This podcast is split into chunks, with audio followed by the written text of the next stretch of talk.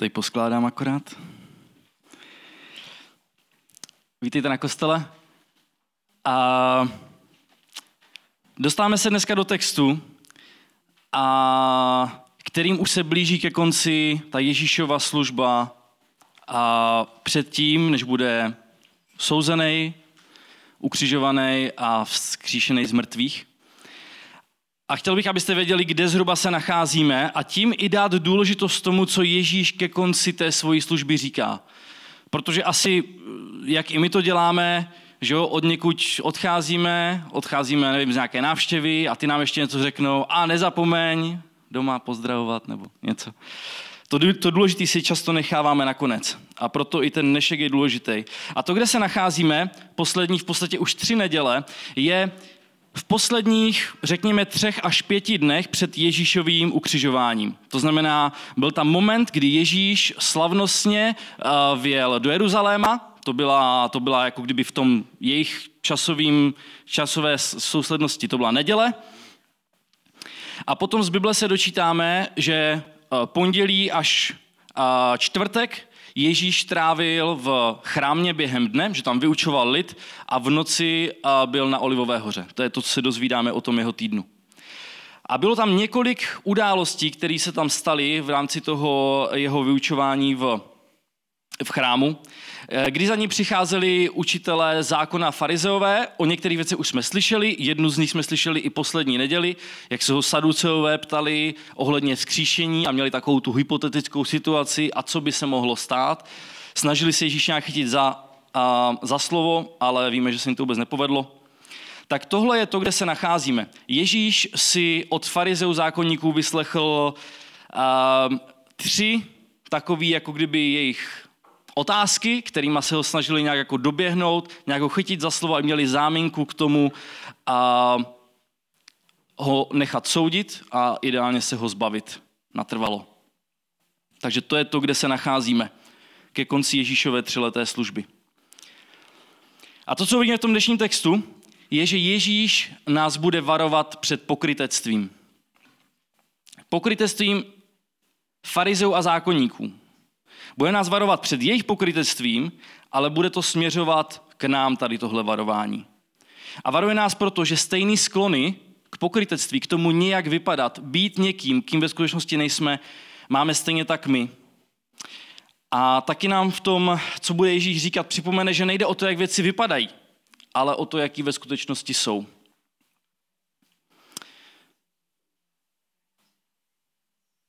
Máme takové tři části toho textu. Začneme tou poslední, potom tou první a skončíme tou prostřední. A to z toho důvodu jsme vybudovali dobrý základ pro to, aby jsme dobře rozuměli tomu, co znamená pokrytectví. Takže začneme od eh, prvního verše té 21. kapitoly. Já to přečtu.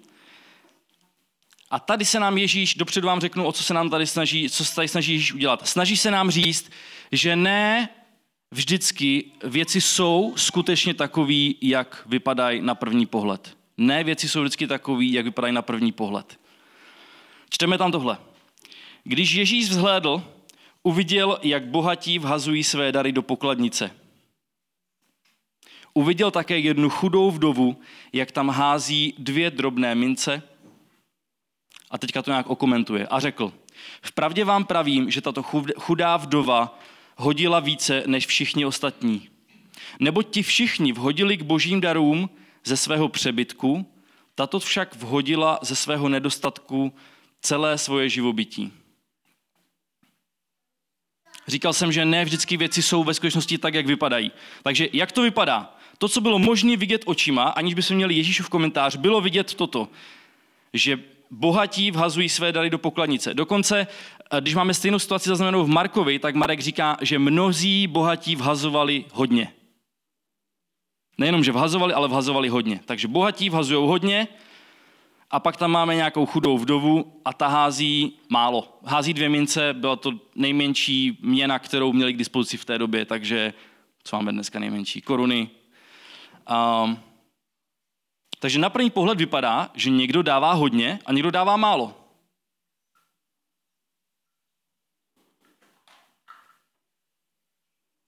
Na druhý pohled který nám musí odhalit Ježíš, který nejde očima vidět, se ale děje něco jiného. A to je ten čtvrtý verš.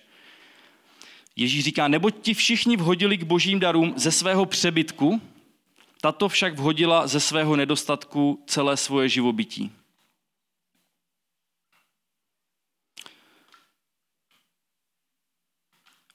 Proč je to důležité ve spojitosti s pokrytectvím? Protože pokrytectví má právě tu tendenci tvářit se líp, než jaký ve skutečnosti je. Pro spoustu těch lidí, pro ty bohatý, nebylo těžký vhodit mnoho. Nebyla to pro ně velká oběť. Nebylo to pro ně těžký. Ale pro tu chudou vdovu, která nejenom, že dala málo, ale Ježíš nám říká, že dala celé svoje živobytí. Pro ní to byla mnohem větší oběť, stálo jí to mnohem víc. Ale na první pohled to nešlo vidět. A to je to, co to má společného s pokrytectvím, co nám to může o pokrytectví naučit. Že věci někdy vypadají nějak, těma očima, kterýma můžeme vidět, ale Ježíš nám ukazuje, že skutečnost je jiná.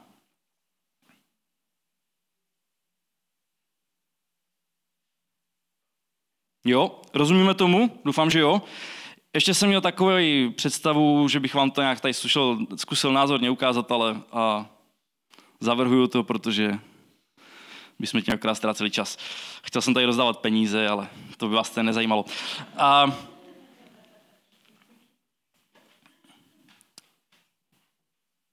pokrytectví je, když něco, když se snažíme vypadat lépe, než jací ve skutečnosti jsme.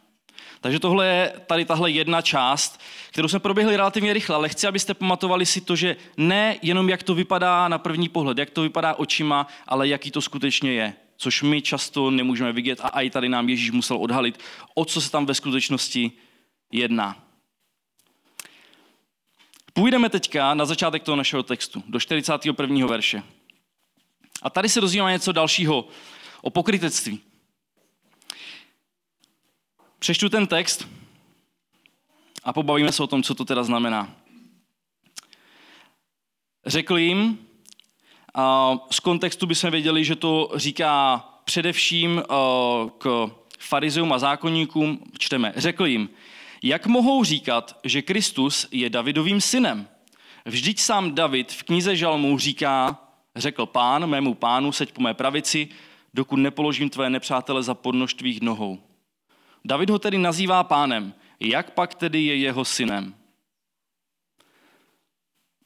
Když jsem dostal zadání na, ten, na, tohle, na tenhle text, na to kázání, jsem říkal, OK. Kdyby to bylo moje denní, denní čtení Bible, tak bych si řekl, to je divný, přeskočil bych to a šel dál, ale takovouhle možnost jsem neměl. OK, o co tady jde prostě? A v Bibli je dobrý, typ pro vás, co můžete taky někdy dělat, podívat se, jestli o tom stejným se náhodou nemluví někde jinde. Což v evangelích je docela velká pravděpodobnost, že najdete podobnou situaci, kterou popisuje někdo jiný. A když bychom se podívali třeba do Matouše, je to myslím, že 20. ne myslím, vím, je to 23. kapitola, tak tam se dozvídáme, a možná to pro jistotu přečtu, ať to tady jen tak neříkám, tam eh, tu rozpravu, která tam probíhá, slyšíme trošku ze širší perspektivy. Tam se dozvídáme, když se farizeové zhromáždili, Ježíš se jí zeptal, co si myslíte o Mesiáši, čí je syn? Řekli mu Davidův. To znamená, o co tady, o co tady jde? Proč se Ježíš vůbec na něco ptá farizeů a zákonníků? Já si myslím, že to je z toho důvodu, že i v tom textu je to takový ironický, že třikrát přišli farizeové a zákonníci, z toho, co máme v Lukáši zaznamenaný, třikrát přišli za Ježíšem a ptali se ho nějakou záludnou otázku. Ta, ta otázka totiž nikdy nebyla, že by se chtěli vzdělávat a že by se o bezpečnosti chtěli něco dozvědět, to nám ten text říká, ale vždycky to byla záludná otázka, kterou se snažili Ježíše nějakým způsobem nachytat. Snažili se spochybnit jeho autoritu. To je důležitý. Snažili se spochybnit jeho autoritu. Snažili se ukázat těma otázkama, které mu pokládali, že ve skutečnosti není tím, kým říká, že je a proto nemá žádný právo dělat to, co dělá a říkat to, co říká. Jinými slovy, že je pokrytec. Že není tím, kým je a proto se za něj nemůže vydávat. Je pokrytec. A Ježíš tady ironicky využívá tu jejich taktiku, kdy jim on sám v tuhle chvíli začne klást nějakou otázku. Jak mohou říkat, že Kristus je Davidovým synem? Protože když, a to jsme četli v tom Matouši, když, se, když byste se zeptali farizeů v té době, čí syn bude Mesiáš, řekli by Davidův. To je daný ze starého zákona, proroctvíma a, a, a textama, který tam máme. Takže odpověď měli správnou. Na první pohled. Ale není to celá skutečnost. A Ježíš v podstatě on je ani nenechává tady v tuhle chvíli, nebo tak, jak nám to Lukáš zaznamenal, nenechává je ani odpovědět, je to řečnická otázka. Jak můžete říkat, že Kristus je Davidovým synem? A teďka říká, proč je to špatná odpověď. Říká 42. verš. Vždyť sám David v knize Žalmů říká, teďka citace, řekl pán mému pánu, seď po mé pravici, dokud nepoložím tvé nepřátele za podnož tvých nohou. Kdo, jakýmu pánu, jaký pán? O co tady jde? Řekl pán, myšleno Bůh, hospodin, mému pánu, Mesiáši, Kristu, zachránci. Seď po mé pravici na místo autority, na místo, na místo uh, hodnoty, cti, dokud, co se má stát, dokud nepoložím tvé nepřátele za podnož tvých nohou. To je citace ze žalmu, který ti farizové dobře v tu dobu znali. A Ježíš jim klade další řečnickou otázku, na kterou už nikdo neodpoví, a to víme i z Matouše. A říká, David ho tedy nazývá pánem, Mesiáše, Krista. Jak pak tedy je jeho synem?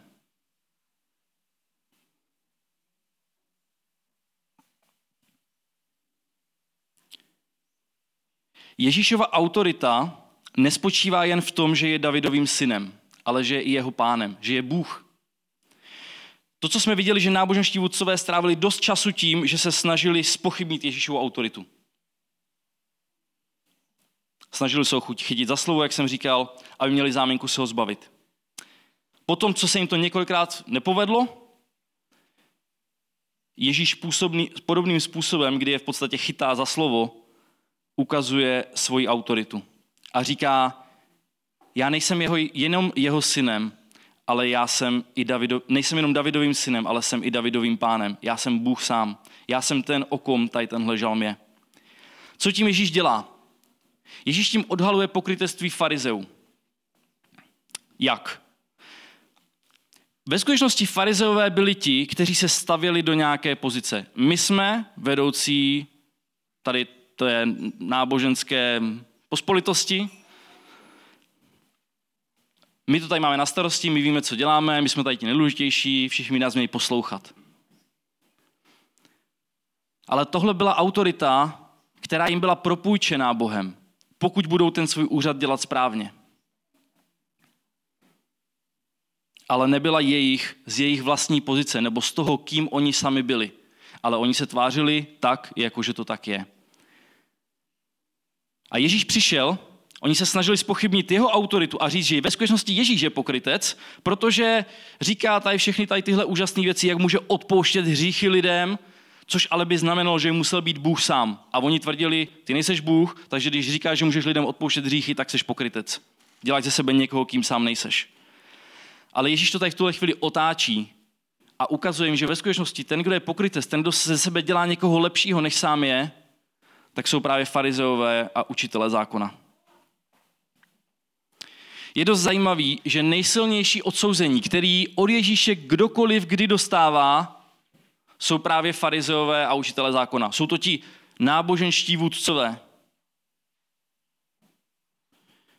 Nemá nejsilnější odsouzení pro ty očividně hříšný, ale má nejsilnější odsouzení pro ty, kteří se tváří, že žádný hřích nemají. Jsem si tuhle čas, pasáž pro sebe zhrnul tady touhle větou. Ti, kteří nic nejsou, se snaží spochybnit toho, který jediný někým je. Takže máme už dva body, kterým jsme si vybudovali trošku základ ohledně toho, co to je pokrytectví. Že věci nejsou jenom, musíme hledat jejich skuteč, skutečnost, nejenom to, jak vypadají. To, byl ten, to byla ta první část. A teďka je to, že Ježíš ve skutečnosti má autoritu říkat to, co říká a dělat to, co dělá. že on není pokrytec. A to je to, co mu dává základ teďka mít tady tohle varování, který mi tady má zaznamenaný ve třech verších, ale můžem, mohli bychom se podívat, že Matouš to stejný, to, co Ježíš říkal, ve skutečnosti zaznamenal možná ve větší délce, a jsou je to celkem 30 veršů. My máme tady dneska tu krátkou verzi, uf, nebude to nadlouho, a, a dostaneme se do toho. Takže Ježíš má autoritu a pokrytectví je to, když se snažíme dělat ze sebe někoho, kým sami nejsme. A to, co teďka Ježíš má a pro nás, jako tu hlavní výzvu, tak eh, k tomu se dostaneme v tom 45. verši. Můžeme jít do toho. Když všechen lid poslouchal, řekl svým učedníkům, jenom se tady zastavím, než to přeštu celý.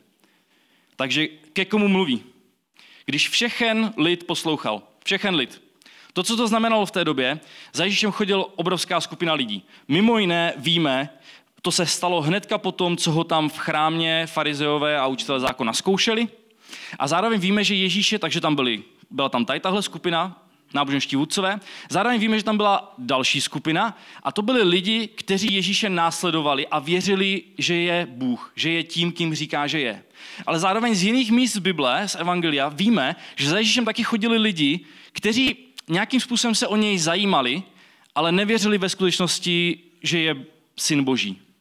Ale dělal dost zajímavé věci, uzdravoval lidi, dělal jídlo, víno z vody, to zní jako fajn akce, pojďme tam. I když nevěřili, že on je Bůh. A třetí skupina, která tam byla a přímo k té Ježíš bude mluvit, jsou jeho učedníci. Když všechen lid poslouchal, všichni poslouchali, ale Ježíš konkrétně řekl svým učedníkům. Proč je to důležitý? A budu to dneska i aplikovat při tom, když se budeme bavit konkrétně o tom, jak to můžeme aplikovat. Dneska budu chtít a v první řadě mluvit k vedoucím. Tady na kostele kazatel, vikáři, starší, vedoucí skupinek, vedoucí služeb. Proč? Protože stejným způsobem vypadá, že to dělá Ježíš, že mluví těm, kteří byli vedoucí, kteří byli zodpovědní za to, jak se dál ponese jeho slovo. Ale zároveň vidíme, že poslouchal všechen lid a proto chci, budu mluvit i k vám všem, kteří jste věřící, kteří věříte v Ježíše, ale nemáte třeba nezbytně nějakou zodpovědnost eh, v rámci církve a zavedení něčeho nebo někoho. A protože tam Ježíš mluvil i k lidem, kteří se jenom zajímali, ale sami nebyli věřící, tak i k téhle skupině dneska budeme mluvit. Takže víme, ke komu Ježíš mluví a teď se můžeme dostat k tomu, co teda Ježíš ve skutečnosti říká. 46. verš. Ježíš říká, mějte se na pozoru před učiteli zákona, kteří se chtějí procházet v dlouhých řízách, mají rádi pozdravy na tržištích, přední sedadla v synagogách a přední místa na hostinách.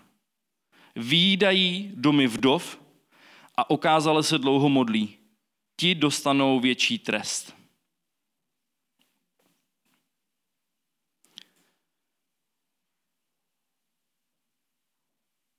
Když si chystáme kázání, tak většinou ten úkol, který máme, je přijít na to, eh, co je tam to jako nejpodstatnější. Je tam nějaký příkaz, je tam nějaký varování, nějaký pozbuzení, napomenutí, něco z tohohle. Tady tenhle text mi to docela ujednodušil v tom, že je tam velmi očividně napsaný. Ježíš říká, co? Mějte se na pozoru před učiteli zákona.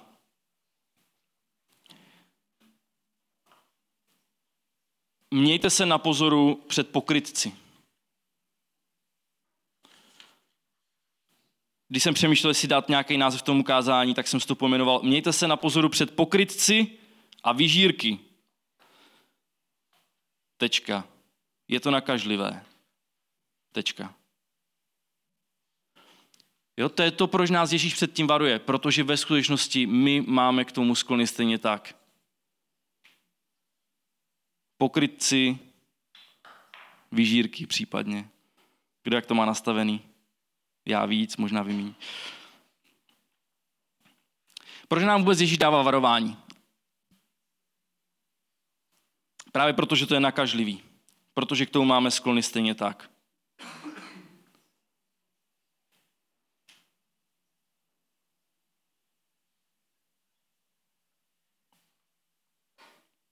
Je zajímavý, že Ježíš té pasáži, kterou teďka budeme přemýšlet, jak ji můžeme aplikovat na nás, tak ve skutečnosti ale Ježíš popisuje skupinu lidí, která tam stála hnedka vedle.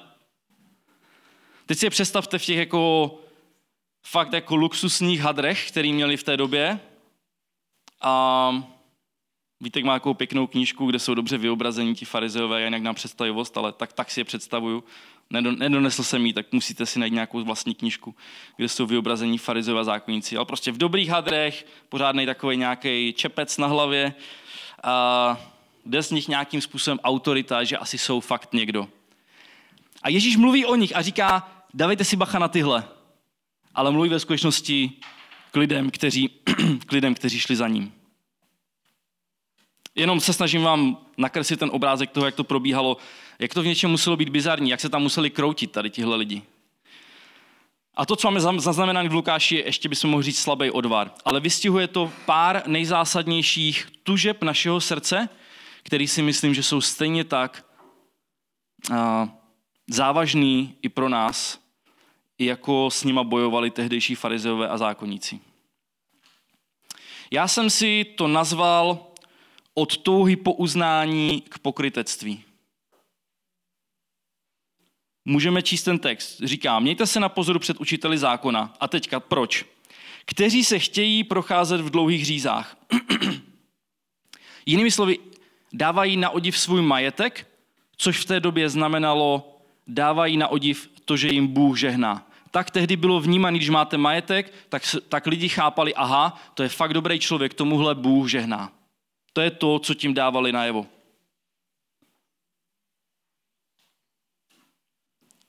Co tam máme dál? Mají rádi pozdravy na tržištích. Proč by někdo měl rád pozdrav na tržišti?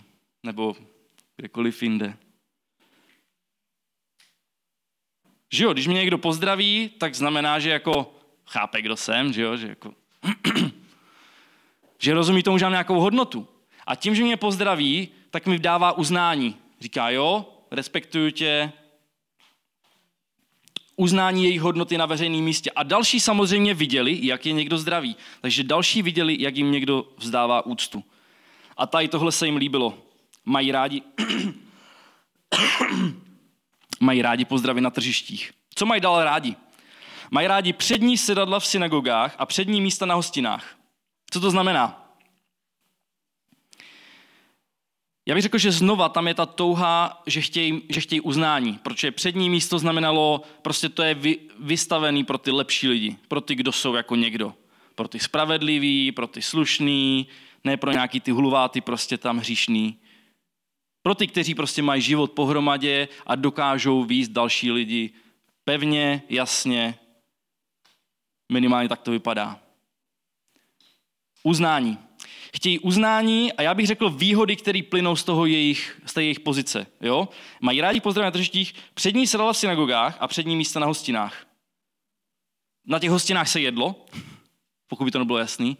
A myslím si, že si to užívali, že se tam prostě můžou pořádně nadlábnout. Ve skutečnosti to, co vidíme dál, nemoc lichotivě, že výdají domy vdov.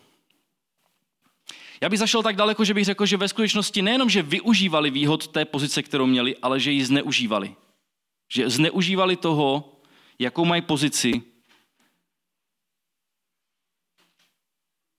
pro vlastní prospěch, pro výhody sebestředný, sobecký.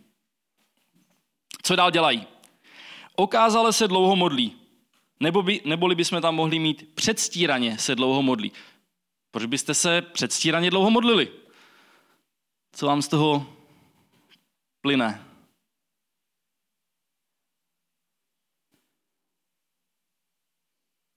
Vypadáte zbožně. Děláte to okázale, děláte to, to znamená, to znamená, že to neděláte někde sami ve svém pokoji, v obyváku, kdekoliv, ale děláte to okázale. To znamená, děláte to před druhým, aby viděli tu okázalost. Zatímco ve skutečnosti vy předstíráte, že se dlouho modlíte. Včera jsem měl takovou situaci doma. Be, je tady Bea? Měla takhle knížku, ale furt nějak hýbala prstem. Říkal, si... Tři dny předtím jsme viděli Big Bang, kde tam se dělo právě tady tohle. Jo, že můžeme vypadat nějak, prostě jo, já čtu tady uh, poslání církve, který máme mít přečtený na dnešní odpoledne na Olomouc tým. Ale ona tam určitě řešila něco důležitého na tom telefonu, jako o tom nepochybuju. Proto děláme věci předstíraně. Všichni, co se smějou, tak to dělají. Proč chceme vypadat líp, než jací ve skutečnosti jsme. A Ježíš nás před tímhle varuje a říká, tohle dělají oni, ale ve skutečnosti já vás před tím varuju, protože vy máte úplně stejný sklony. Vy taky toužíte po uznání, po výhodách z nějaké pozice, ale nakonec to končí v pokrytectví. Pojďme na to. Mluví k učedníkům. Vedoucí, mějte se na pozoru. Proč mluví specificky k vedoucím? Si myslím, že to je tenhle důvod. Že větší riziko je pro lidi, kteří jdou více vidět. Mají větší vliv a větší možnost těch výhod, potenciálně zneužít výhod, který plynou z té jejich pozice. Jak se to projevuje? Já bych řekl, že u vedoucích se to projevuje snahou mít dobrý životopis. Co ti myslím? Mít schopnost obhájit svoji pozici. Není to tak dávno, kdy jsme teďka četli jednu knížku a s chlapama, co budeme zakládat v Olomouci kostel. A byl jsem hodně usvědčený z něčeho, z čeho jsem asi nikdy nebyl usvědčený. Týkalo se to toho, je to knížka pro jako starší církve, a bylo tam v podstatě myšlenka toho, že jaký jsou ty věci, na kterých si zakládáme, proč bychom měli být v té pozici, ve které jsme. Jo, dejme tomu, tak jsem OK, jsem tady starší zboru, něco, mám tady na starosti prostě. Není špatně něco mít za sebou, jo? Že bychom třeba to budovali na tom, kolik jsem toho udělal. Nebo kolik jsem toho vystudoval, kolik let jsem křesťan, kolikrát jsem přečetl Biblii. Tohle všechno nejsou jako špatné věci sami o sobě. Ale já jsem si v tu chvíli uvědomil, že ve skutečnosti, když by někdo přišel a zeptal se mě, Radku, a tak jako proč tě vůbec jako vzali sebou do Olomouce, nebo jako proč bys měl tam zakládat s nima sbor, jakože možná proto, že nikdo jiný nechtěl jít, a to může být jedna věc, ale, ale další důvody, který jsem si uvědomil, že mám ve skutečnosti v hlavě seznam toho, jak bych se obhájil. A všechno to bylo na úrovni toho, Uh, no tak už jsem s klukama založil jeden kostel a předtím jsem vedl English campy a, a jsem dlouho křesťan docela a můj taťka byl kazatel, a takže, jako, takže to moje, ten můj životopis jako není úplně špatný. To, že jsem si to uvědomil, nebyla ta děsivá věc. To, co mi přišlo děsivý, že ve skutečnosti já si těch věcí cením a vážím si jich. Že jako bych nechtěl být v situaci, kdybych tyhle věci neměl. Proč? Protože bych měl pocit, že když někdo přijde a začne spochybňovat tu moji pozici, tak já nemám čím se obhájit. Takže pokud jste tady na kostele jako vedoucí, přemýšlejte o tom, jestli se nesnažíte budovat nějaký životopis. Možná ne cíleně, ale možná kdyby někdo přišel a říkal, co Martine, proč jsi jako vedoucí skupinky, jako v čem seš lepší nebo co? Jo, jaká by byla ta odpověď? Jestli máte v hlavě nějaký seznam věcí, na který spoleháte. A dostaneme se i k tomu, jaká je, jaký je ten lék na to. Ale než se k tomu dostaneme, důležitý je, že ten náš, to naše budování toho životopisu dobrýho často selhává. Prostě jednoduše nejsme schopni být tím, kým se snažíme být. Nikdo z nás nedokáže žít bez hříchu, nikdo z nás nedokáže dělat všechno perfektně. Bojíme se, že sklameme, že zhřešíme, jsme špatní vedoucí, hotovo. A já tady nechci vůbec opomíjet nějakou kvalifikaci, kterou by vedoucí nebo starší měl mít, co nám píše Pavel v Timoteově nebo v Titově. Ale chtěl bych, aby jsme byli jako vedoucí příklad. Aby jsme byli ti první, kteří uznají skrze pokání, že stojíme jen díky boží milosti. Že to není z nás, Římanům 3. kapitola 23. verš nám říká, všichni zřešili a jsou daleko od boží slávy. A není to kromě kazatele, kromě starších zborů, kromě vedoucích skupinek. Všichni zřešili a jsou daleko od boží slávy. A nebo jiný text, který mluví o podobné věci, je s Korinským 4. kapitoly 7. verš a tam je napsaný, Pavel píše Korinským, kdo ti dává vyniknout? Co z toho, co máš, si nedostal? A když si to dostal, proč se chlubíš, jako bys to nedostal?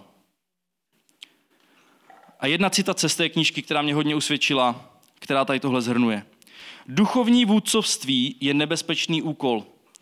Vedoucí se obvykle dostávají do vedení díky božímu obdarování, povolání a zmocnění. Jakmile se tam však dostanou, mohou si snadno vypěstovat nenápadný pocit vlastní spravedlnosti, který sděluje sem tu, protože si to zasloužím. Tato pyšná závislost na sobě samém přinesla boží soud mnoha vedoucím ve starém zákoně i dnes. Jsem tu, protože si to zasloužím. A možná někdy to je trošku jinak. Možná to je někdo začne spochybňovat to, co děláte, nebo možná váš vlastní hřích a vnitřně začnete spochybňovat to, co děláte, to, co máte na starosti. A přemýšlíte možná o tom, jak se obhájit. A ta obhajoba je, my stojíme díky boží milosti.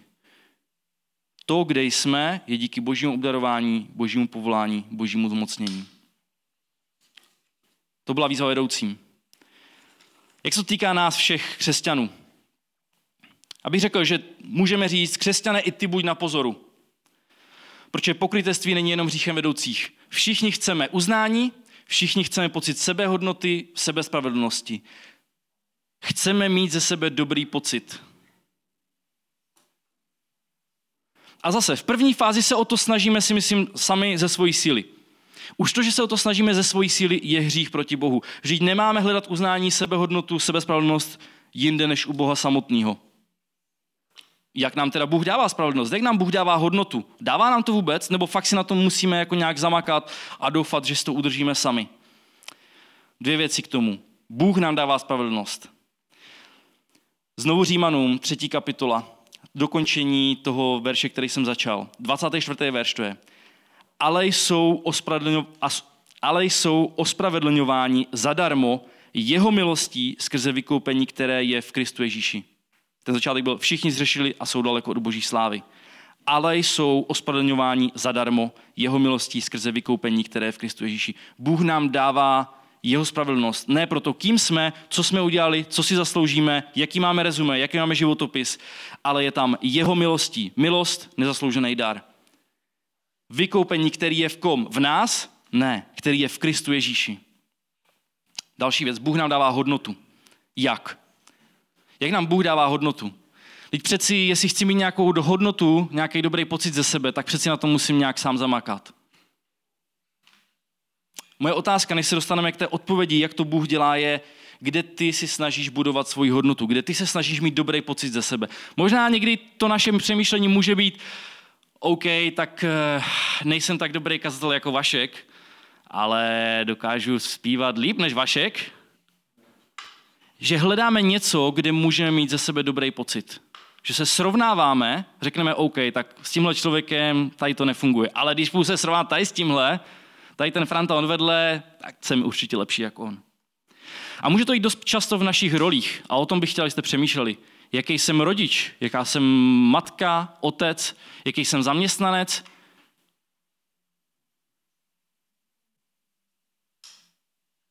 Student, cokoliv, jaká je vaše role. Dost pravděpodobně tam očekávejte, že si hledáte, snažíte budovat svoji hodnotu. Ale Ježíš říká něco jiného. Ježíš říká, přestaňte dělat tyhle blbosti, které ve skutečnosti stejně nemají žádnou trvalou hodnotu.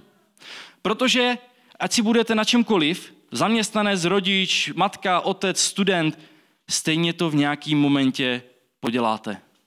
Tak to je. A nebo někdo spochybní tu vaši hodnotu, to, jaký jste rodič, to, jaký jste student, zaměstnanec, pracovník, podnikatel, a vy se začnete vstekat, protože budete naštvaní, že někdo šáhl na tuhle vaší budovanou hodnotu. Ježíš říká něco jiného. Říká, to se od tohohle. Nemůže, nemusíte žít v otroctví toho. Jak nám teda Ježíš dává hodnotu? Římanům 8.32 říká, Bůh, on neušetřil svého vlastního syna, ale za nás za všecky ho vydal. Jak by nám spolu s ním nedaroval všechno. Jestli chcete nějakou hodnotu v životě, vykašlete se na všechno ostatní, co se snažíte dělat sami. Protože nikdy to nebude ani, ani v tom nejmenším záblesku největší slávy té vaší věci tak velký, jako to, že Bůh obětoval svého vlastního syna jak vlastního syna neobětoval za nikoho z vás. Ale Bůh tohle udělal pro nás, pro hříšníky. To je ta hodnota, kterou máme. Takže se vykašlete na to, že si snažíte budovat nějakou vlastní hodnotu, která stejně sklame v prvním momentě nebo v druhém momentě, kdy vám to někdo spochybní.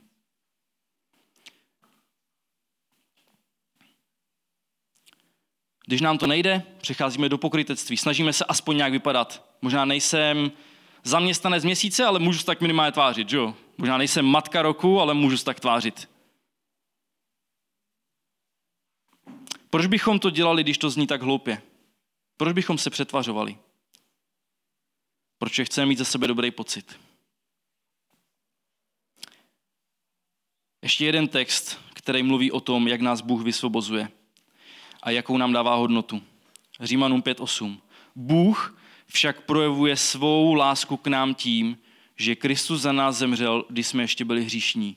Když jsme neměli ani to nejmenší, co dneska možná máme mu mohli nabídnout, tak už tehdy Bůh projevil svou lásku k nám tím, že Kristus za nás zemřel. To je to, z čeho máme být dobrý pocit.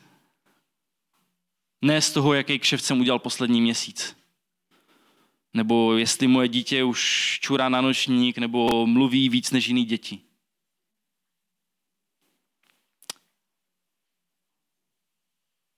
Pokud jsi tady dneska a řekl bys, já ale nevěřím v Boha. Tady tohle se mě asi nějakým způsobem netýká. Nevím o tom, že jich byl pokrytec. Možná někdy se trochu přetvařuju, ale... Když jsem dneska měl ráno památku večeře páně, tak jsem říkal, že ten v tom nejširším slova smyslu, to, jak jsme pokryci vůči Bohu, je, že říkáme, že nemáme žádný hřích. Takže pokud jsi nevěřící, tak to pokrytectví, a možná neumyslný, spočívá v tom, že se snažíš to v životě zvládnout sám a tváří se, že to stačí. Protože dost pravděpodobně nic jiného ti nezbývá. Být dost dobrým člověkem nestačí. Ježíš říká, že nikdo není dost dobrý, aby obstál před božím soudem. Říká, že mzdou hříchu je smrt. Ale proto nám Bůh poslal zachránce, který si stoupil na naše místo, který žil život, jaký jsme měli žít my a zemřel smrtí, jakou jsme měli zemřít my. A ten text v, té šesté kapitole pokračuje, říká, ale darem boží milosti je život věčný v Kristu Ježíši našem pánu. Pokud tady dneska seš a zajímáš se o to, o čem se tady bavíme, ale sám by sebe nebral jako někoho, kdo následuje Ježíše, kdo věří v něj, tak ta moje výzva dneska je, vzdej se tohohle pokrytectví, protože realita je, že hřích máš a sám ho vyřešit nemůžeš. Netvař se jako někdo lepší. Buď vysvobozený z tohohle koloběhu, stejně jako my, ostatní křesťani, milostí, tím, že Bůh dává, volá nás k pokání a říká, přijďte s pravdou ven, ukažte skutečnou tvář, přestaňte dělat ze sebe někoho, kým nejste. Přestaňte ze sebe dělat pokrytce. Řekněte, jak to s váma je, vyznejte svůj hřích kdo vyznává Ježíše jako svého pána, kdo věří v Ježíšovu oběť a vzkříšení za nás, ten dostává Ježíšovu milost. Ježíš není pokrytec. Ježíš jediný je tím, kým říká, že je. Viděli jsme, že má autoritu říkat a také dělat to, co říká. A on jediný jako Bůh je hoden uznání. Ne my, i když po něm často toužíme. On jediný je spravedlivý, ne my. On nemá potřebu dělat věci na oko jako farizeové. On může jít, ukázat pravou tvář, ukázat skutečnou barvu. Ježíš odhaluje pokrytectví na vedoucích pozicích, protože služba nemá být z motivace, že chci, aby mě někdo poplácal po rameni. Mimochodem můj asi největší boj v životě, moje největší, jedna z největších model je uznání a touha poklidu. Řekl bych, že na denním pořádku to jsou věci, se kterými musím bojovat a uvědomovat si, proč jsem byl tady v tuhle chvíli naštvaný. Aha, hm, protože jsem něco udělal a nedostal jsem to uznání, který jsem očekával. Lenia o tom dneska mluvila úplně stejně. Služba nemá být z motivace uznání, výhod z postavení nebo zneužívání moci. Mimochodem, tohle je plný svět, jestli jste to nevšimli. Jako, stačí se podívat na politickou scénu. A do církve bohužel taky. Ježíš říká, kdo chce být největší z vás, bude vaším služebníkem. Jakákoliv naše snaha získat uznání, sebehodnotu, sebespravedlnost jinde než u Boha je modloslužbou. Snažíme se získat sami a jinde to, co nám může dát plně a trvale jen Bůh sám. A Ježíš přišel, aby nás z tohohle otroství vysvobodil. Aby i dnes jsme mohli být konfrontováni s tím, že, příliš, že nám příliš záleží na uznání, na tom, jak máme hodnotu a sami se snažíme nějakou generovat. Naštěstí Bůh nekončí jenom uvarování a nějaké konfrontace. Víme, že Lukášovo evangelium bude pokračovat. Ten příběh neskončil. Všimli jste si toho, že tam bylo o té vdově, to je taková trochu odbočka, ale závěr zároveň. O té vdově tam je napsaný, že dala celé svoje živobytí. A já si myslím, že to je ukázka na to, co čeká Ježíše. Protože Ježíš přichází a nedává nám jenom celý své živobytí, ale on nám dává celý svůj život za to, aby my jsme už nemuseli být zotročení v tom, že se snažíme sami budovat nějakou naší hodnotu, sami mít ze sebe dobrý pocit, který trvá stejně jenom chvíli. Bůh nám dává tu největší hodnotu. On neušetřil svého vlastního syna, ale za nás za všechny ho vydal. Jak by nám spolu s ním nedaroval všechno?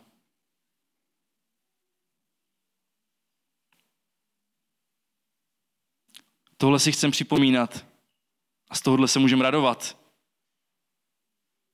A pokud cítíte, že jste usvědčení teďka, OK, teďka, když se budu modlit, vyznejte Bohu svůj hřích, vyznejte mu svoji přetvářku, ale zakončete to tím, že se budete radovat, že máme zachránce, protože o tom to je.